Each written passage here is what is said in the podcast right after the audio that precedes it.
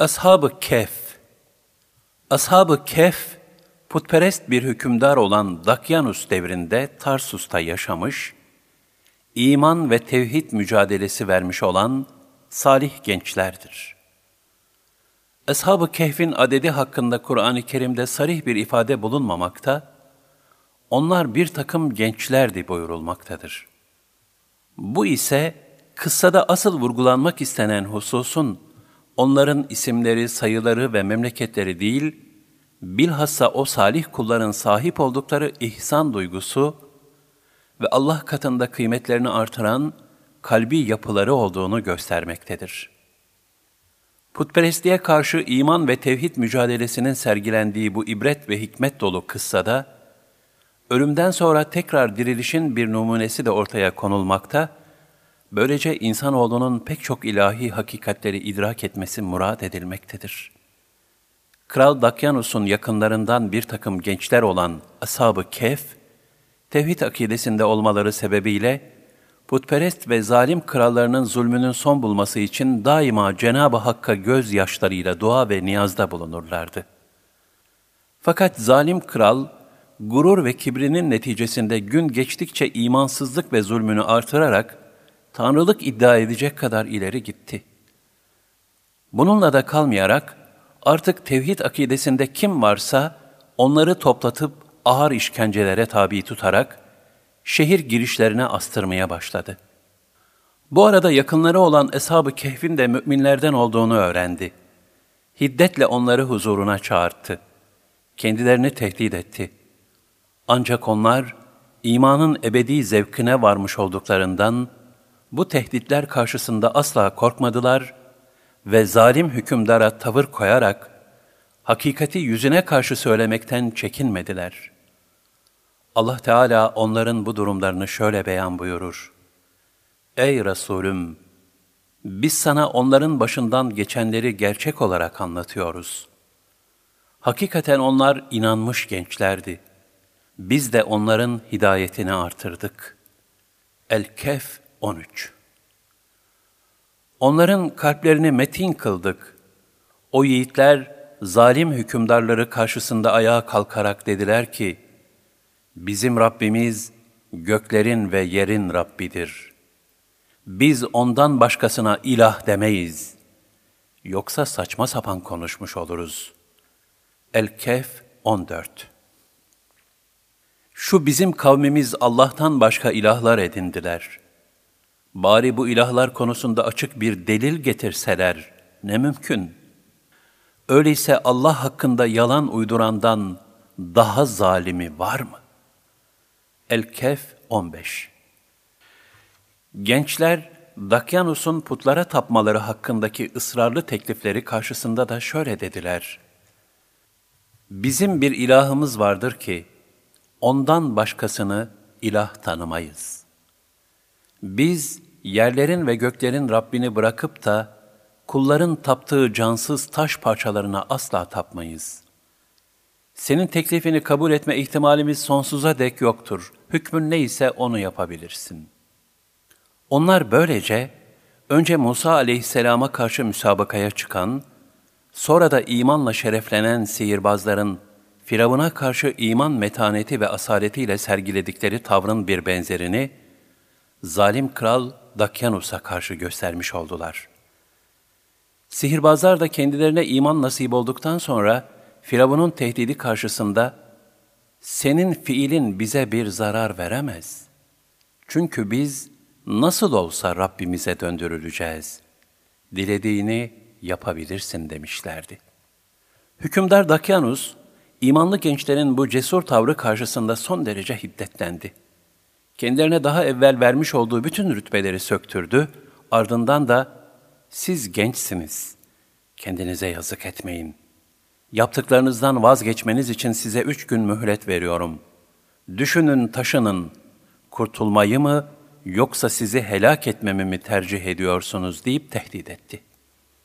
Sonra onları kendi hallerine bırakarak Ninova'ya gitti. Hükümdarın vermiş olduğu bu mühlet, Ashab-ı Kehf için adeta bir lütfu ilahi oldu. Onlara zalim hükümdarın şerrinden kurtulmak için zaman kazandırdı. Cenabı Hakk'ın rahmet ve nusretini uman bu salih gençler, yanlarında bir de köpek olduğu halde şehirden kaçarak bir mağaraya saklandılar. Mağarada evlerinden getirdikleri yiyecekleri yiyor ve gece gündüz Cenab-ı Hakk'a ibadet ederek ona sığınıyor, irtica halinde Rabbimiz bize tarafından rahmet ver ve bize şu durumumuzdan bir kurtuluş yolu hazırla diyerek yalvarıyorlardı. Rivayete göre Allah Resulü sallallahu aleyhi ve sellem de hicret esnasında gizlendiği Sevr mağarasında bu dua ile Cenab-ı Hakk'a iltica etmiştir. Nitekim salih amelleri, ihlasları ve yaptıkları bu dua hürmetine rahmet dolu nusret-i ilahi ashab-ı kehfi kuşattı. Bu sırada zalim Dakyanus Ninova'dan dönmüş ve onların durumlarını öğrenmişti. Hemen peşlerine düşerek saklandıkları mağarayı buldu. Hiddetinden nasıl bir ceza vereceğini düşünürken Allah Teala onun aklına mağaranın ağzını kapatmayı getirdi. Daha fazla düşünmeden askerlerine derhal mağaranın girişini kapatın. Açlık ve susuzluktan ızdırapla ölsünler. Mağara onlara mezar olsun diye emretti. Böylece kendine göre onları diri diri gömmüş olacaktı. Ancak bilmiyordu ki, Hz. Musa'yı Firavun'un sarayında büyütüp, onun şerrinden koruyan Allah, Ashab-ı Kehfi de Dakyanus'un şerrinden muhafaza etmekteydi. Nitekim muhafaza edenlerin en hayırlısı olan Cenab-ı Hak, Ashab-ı Kehfi sonsuz rahmetiyle kuşattı ve onları 309 sene mağarada canlı olarak uyuttu. Hz. Mevlana Kuddise Sirruh der ki, Gafiller arasında bulunup onların inikasını almaktansa uyumak daha evladır. Cenab-ı Hak ashab-ı keyfi fasıkların arasından ayırarak, onların kalplerini gafletten korumuştur. Ayet-i kerimelerde buyurulur, Ey Resulüm! Orada bulunsaydın, güneşi görürdün ki doğduğu zaman mağaralarının sağına meyleder, batarken de sol taraftan onlara isabet etmeden geçerdi. Böylece onlar güneş ışığından rahatsız olmaksızın mağaranın bir köşesinde uyurlardı. İşte bu Allah'ın ayetlerindendir. Onun azametinin bir nişanesidir. Allah kime hidayet ederse işte o hakka ulaşmıştır. Kimi de hidayetten mahrum ederse artık onu doğruya yöneltecek bir dost bulamazsın. El-Kehf 17 Kendileri uykuda oldukları halde sen onları uyanık sanırdın. Onları sağa sola çevirirdik. Köpekleri de mağaranın girişinde ön ayaklarını uzatmış yatmaktaydı. Eğer onların durumlarına muttali olsaydın, dönüp de onlardan kaçardın ve gördüklerin yüzünden için bir korkuyla dolardı. El-Kehf 18 Cenab-ı Hak, Ashab-ı Kehf'i uyandırdığında, onlar mağarada çok az bir zaman kaldıklarını zannettiler. Ayet-i kerimelerde buyurulur, Böylece biz, aralarında birbirlerine sormaları için onları uyandırdık.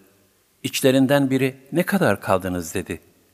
Kimi, bir gün ya da günün bir parçası kadar kaldık dediler. Kimi de şöyle dedi, Rabbiniz kaldığınız müddeti daha iyi bilir. Şimdi siz, İçinizden birini şu gümüş paranızla şehre gönderin de baksın. Şehrin hangi yiyeceği daha temizse size ondan erzak getirsin. Ayrıca dikkatli davransın, gizli hareket etsin ve sakın kimseye sezdirmesin.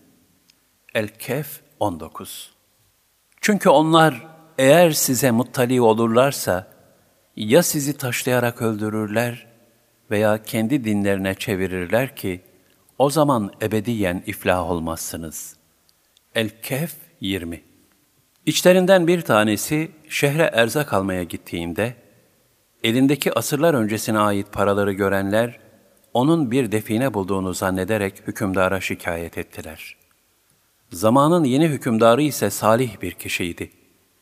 Etrafındakilere daima güzel nasihatte bulunur, onları tevhide davet eder, ba'su ba'del mevtten yani kıyamet koptuktan sonraki yeniden dirilişin sırlarından bahsederdi.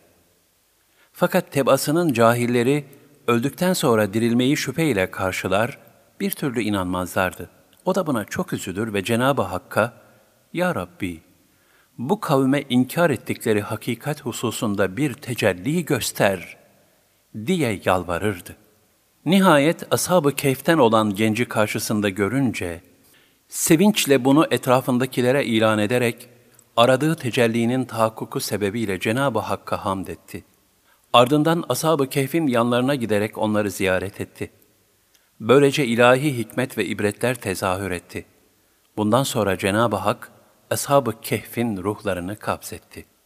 Ashab-ı kehf, imanlarında sebat gösterip zulümlere katlanmaları, Allah yolundan ayrılmamaları ve bu uğurda hicret etmelerinin bir bereketi olarak Kur'an-ı Kerim'de tekrim buyurulmuştur. Öyle ki bu kıssa dolayısıyla Kur'an-ı Kerim'deki bir sureye bu salih kişilerin sıfatı verilmiş, ona Kehf suresi denmiştir.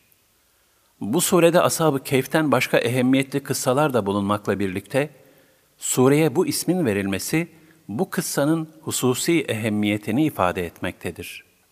Peygamber Efendimiz sallallahu aleyhi ve sellem, Cuma günü Kehf suresi okunduğunda, bunun diğer cumaya kadarki günahlara kefaret olacağını bildirmiştir.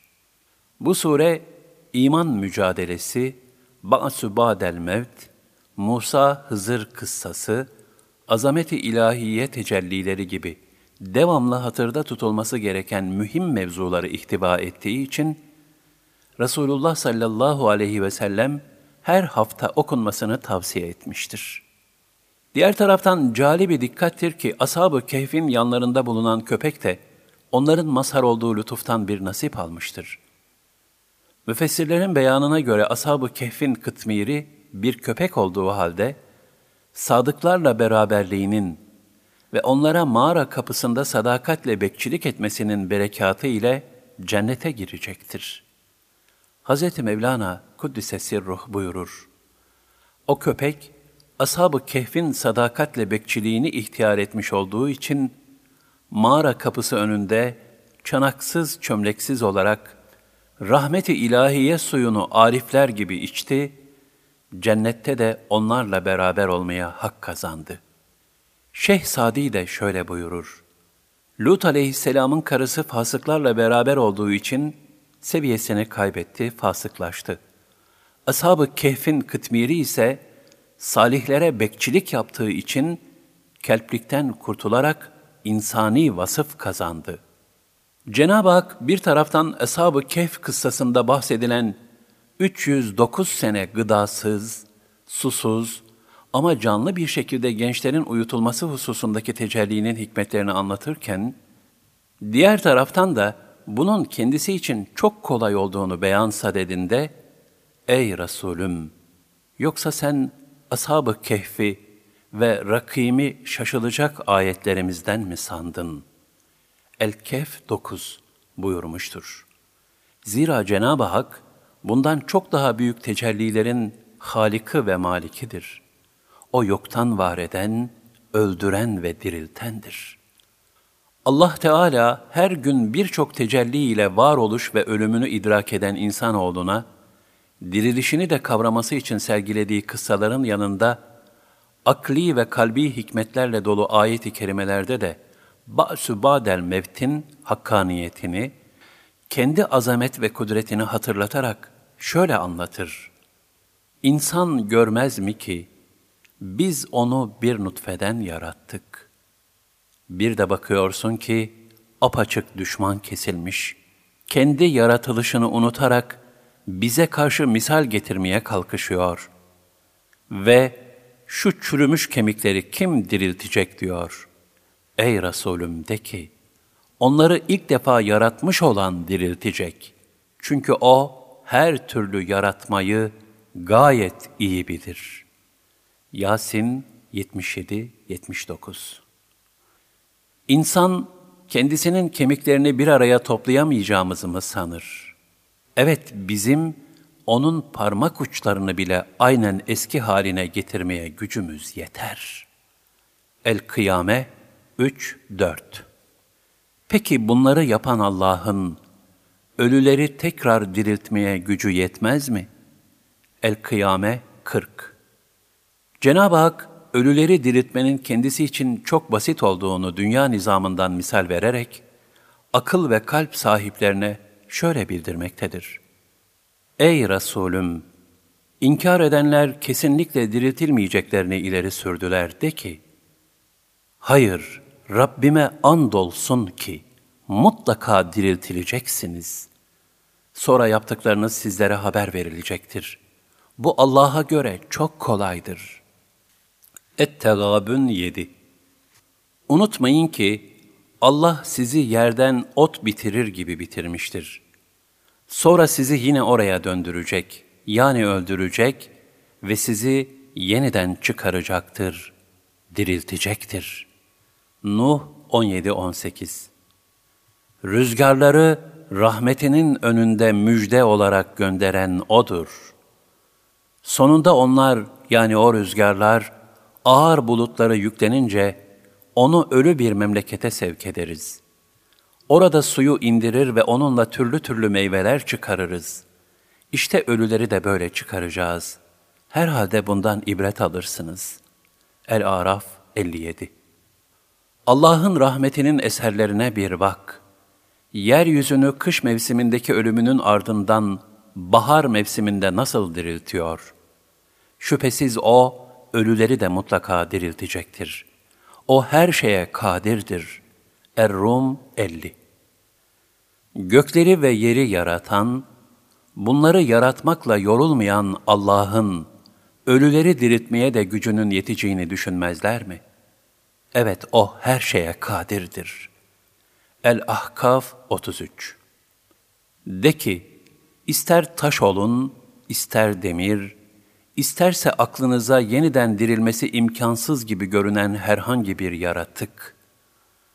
Bunlar Allah'ın sizi yeniden diriltmesini güçleştirmez. Diyecekler ki, bizi tekrar hayata kim döndürecek? De ki, sizi ilk kez yaratan. Bunun üzerine onlar sana alaylı bir tarzla başlarını sallayacaklar ve ne zamanmış o diyecekler. De ki, yakın olsa gerek.'' El-İsra 50-51 Düşünmediler mi ki, gökleri ve yeri yaratmış olan Allah, kendilerinin benzerini yaratmaya da, öldükten sonra diriltmeye de kadirdir. Allah onlar için bir müddet takdir etti. Bunda şüphe yoktur. Ama zalimler inkarcılıktan başkasını kabullenmezler. El-İsra 99 biz bir şeyin olmasını murad ettiğimiz zaman, ona söyleyecek sözümüz sadece ol dememizdir. O da hemen olu verir. En-Nahl 40 Cenab-ı Hak gece uyumamızın ve sabahleyin uyanmamızın dahi ölüm ve dirilişe misal olduğunu aşağıdaki ayeti kerimede ne güzel anlatır.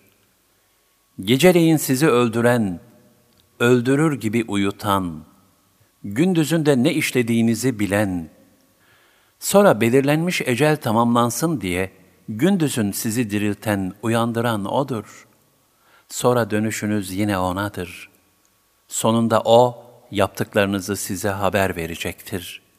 El-En'am 60 Ayet-i kerimelerde buyurulduğu gibi, gündüzün geceye, gecenin de gündüze dönüşmesi, dünya alemini kuşatan iklimlerin birbirini takip etmesi ve bu esnada toprak mahsullerinde yaşanan ölüm ve dirilişler ve benzeri tezahürlerin her biri, aslında kıyamet sabahına kalkışın bir ifadesi olan Ba'su Ba'del Mevt'i hatırlatan ibretli hakikatlerdir.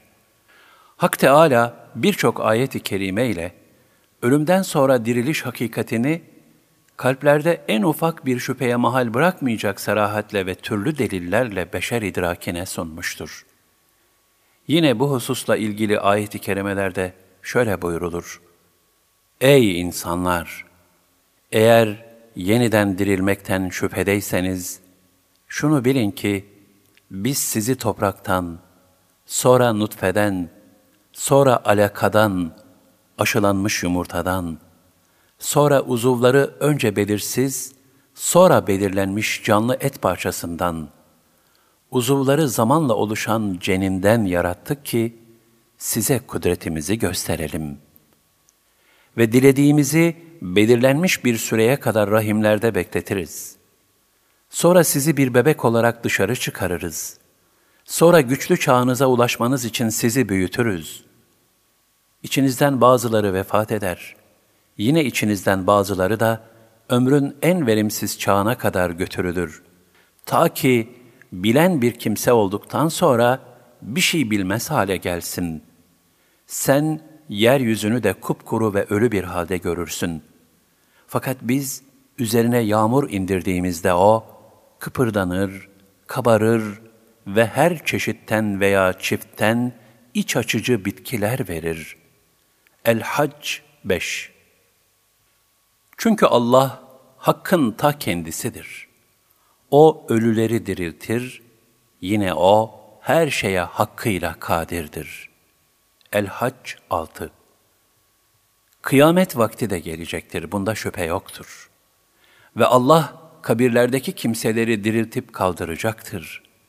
El-Hac 7 Ba'su Ba'del Mevt'in ilk safhası, surun birinci defa üflenmesiyle başlar. Bunun neticesinde herkes ölür. Daha sonra surun ikinci defa üflenmesiyle de Ba'su Ba'del Mevt gerçekleşir. Allah Teala bu hakikati şöyle beyan buyurur. Sura üflenince, Allah'ın diledikleri müstesna olmak üzere göklerde ve yerde ne varsa hepsi ölecektir. Sonra ona bir daha üflenince bir de ne göresin? Onlar ayağa kalkmış bakıyorlar. Ez-Zümer 68 Cenab-ı Hak o gün Ba'su Ba'del Mevt'le dirilen insanların içine düşecekleri şaşkınlığı ve mahşerin dehşetini şöyle beyan buyurur. O gün onlar sanki dikili bir şeye koşuyorlar gibi, gözleri horluktan aşağı düşmüş ve kendileri zillete bürünmüş bir halde kabirlerinden fırlaya fırlaya çıkarlar. İşte bu, onların tehdit edile geldikleri gündür. El-Me'ariç 43-44 Artık o gün, zulmedenlerin beyan edecekleri mazeretleri fayda vermeyeceği gibi, onlardan pişmanlık, tevbe ile Allah'ı hoşnut etmeye çalışmaları da istenmez. Er-Rum 57 O gün yer yarılır. Onlar kabirlerinden süratle çıkarlar. Bu bize göre kolay bir haşirdir. Kaf 44 O gün kişi kardeşinden, annesinden, babasından, zevcesinden ve çocuklarından kaçar. O gün herkesin kendine yetip artacak bir derdi vardır. O gün bir takım yüzler parlak, mütebessim ve sürur içindedir. Yine o gün bir takım yüzleri de keder bürümüş, hüzünden kapkara kesilmiştir. İşte bunlar kafirlerdir, günahkarlardır. Abese 34-42 Ey insanlar! Nice yüzlerin ağardığı, nice yüzlerin de karardığı o günü ölmeden evvel düşünün. Yüzleri kararanlara, inanmanızdan sonra kafir mi oldunuz? Öyleyse inkar etmiş olmanız yüzünden tadın azabı denilir. Yüzleri ağaranlara gelince, onlar Allah'ın rahmeti içindedirler.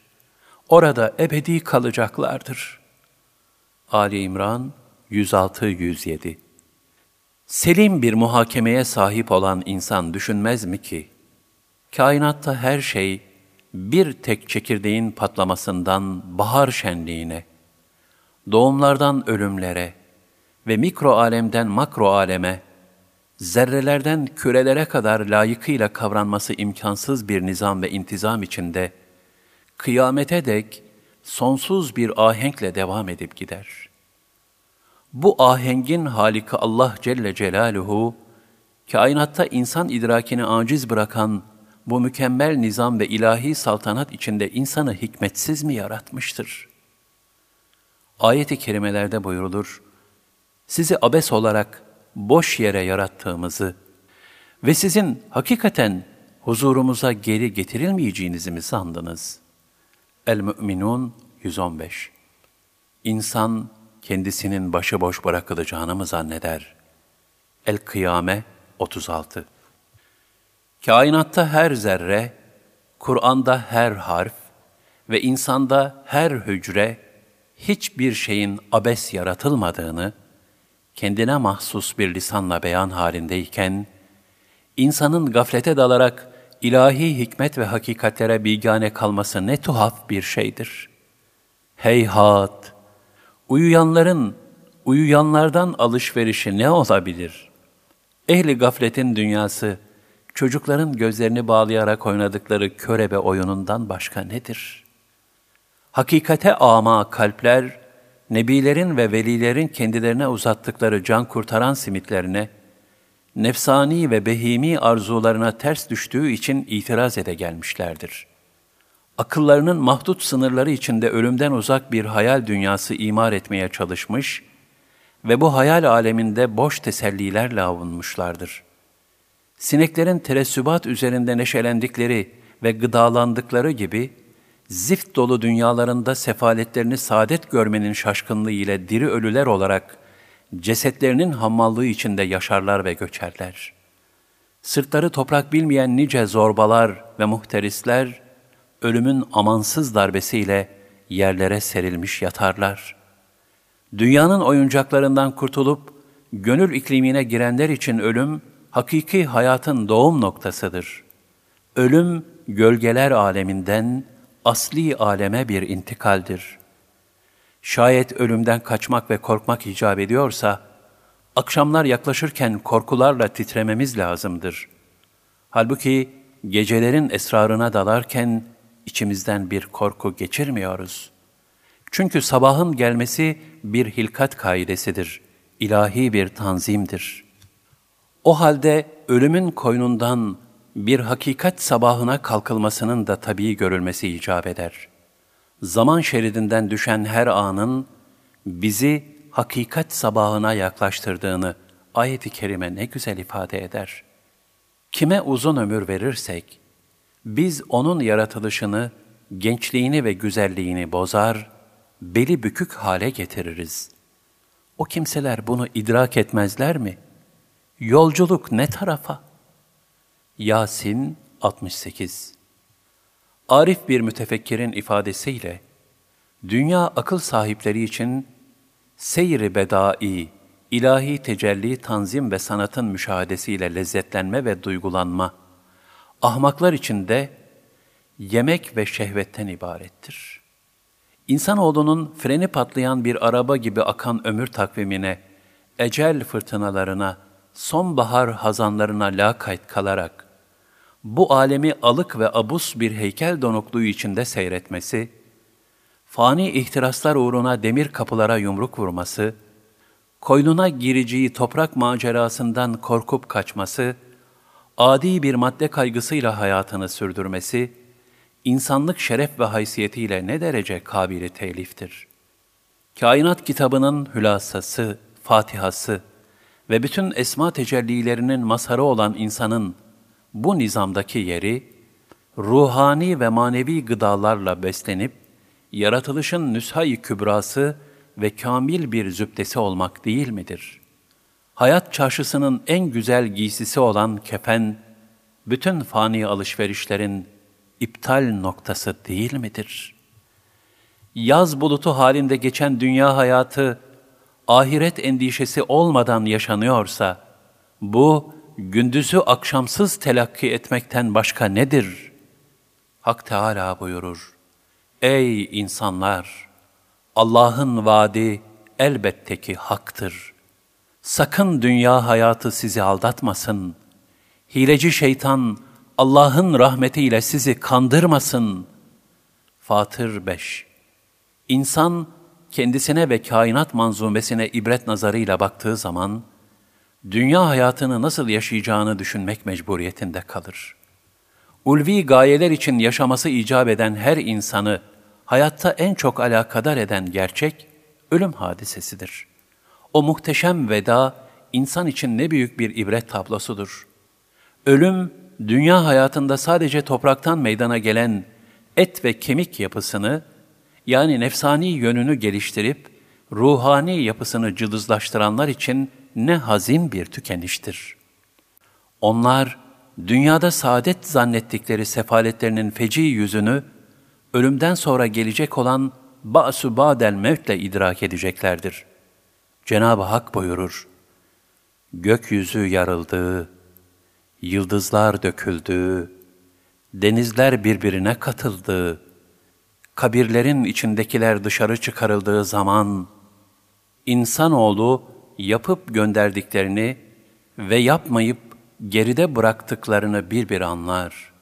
El-İnfitar 1.5 Mahşer halkı dünyada kaldığı zamanı ahiret aleminin ebediliğine ve sonsuzluğuna kıyaslayarak şu şekilde değerlendirirler. Kıyamet gününü gördüklerinde, dünyada sadece bir akşam vakti ya da kuşluk zamanı kadar kaldıklarını sanırlar. En-Naziat 46 Bunun içindir ki Allah Resulü sallallahu aleyhi ve sellem, dünya hayatını tarif eden bir hadis-i şerifinde, Dünya benim neme gerek? Benim halim, dünyada bir ağaç altında oturup gölgelenen, sonra da yerini bırakıp giden binetli bir yolcuya benzemektedir, buyurmuşlardır. Cenab-ı Hak, gerçek idrak sahiplerinin halini şu ayet-i kerimede ne güzel beyan eder. Onlar ayakta dururken, otururken, yanları üzerinde yatarken, her vakit Allah'ı zikrederler. Göklerin ve yerin yaratılışı hakkında derin derin düşünürler ve şöyle derler, Rabbimiz, sen bunu boşuna yaratmadın. Seni tesbih ederiz. Bizi cehennem azabından koru. Ali İmran 191 Bütün cihan hassas bir nizam üzerine kurulmuştur. Her şeyde ince bir muvazene kanunu hakimdir. Semalar ve yeryüzü her türlü hadiseleriyle eşsiz bir nizam örneğidir. Güneş ve ay bir hesapla doğup batmakta. Gece ve gündüz birbiri ardından hesapla akmakta. Bulutlar hesapla hareket etmekte. Yağmurlar bir ölçü içinde toprağa damlamakta. Yeryüzünün bahar ve hazanı, çiçeği, çemeni, ince, hassas bir hesapla meydana gelmekte. Rızıklar belli bir ölçü içinde muhtelif mahlukata ayrı ayrı hazırlanmaktadır.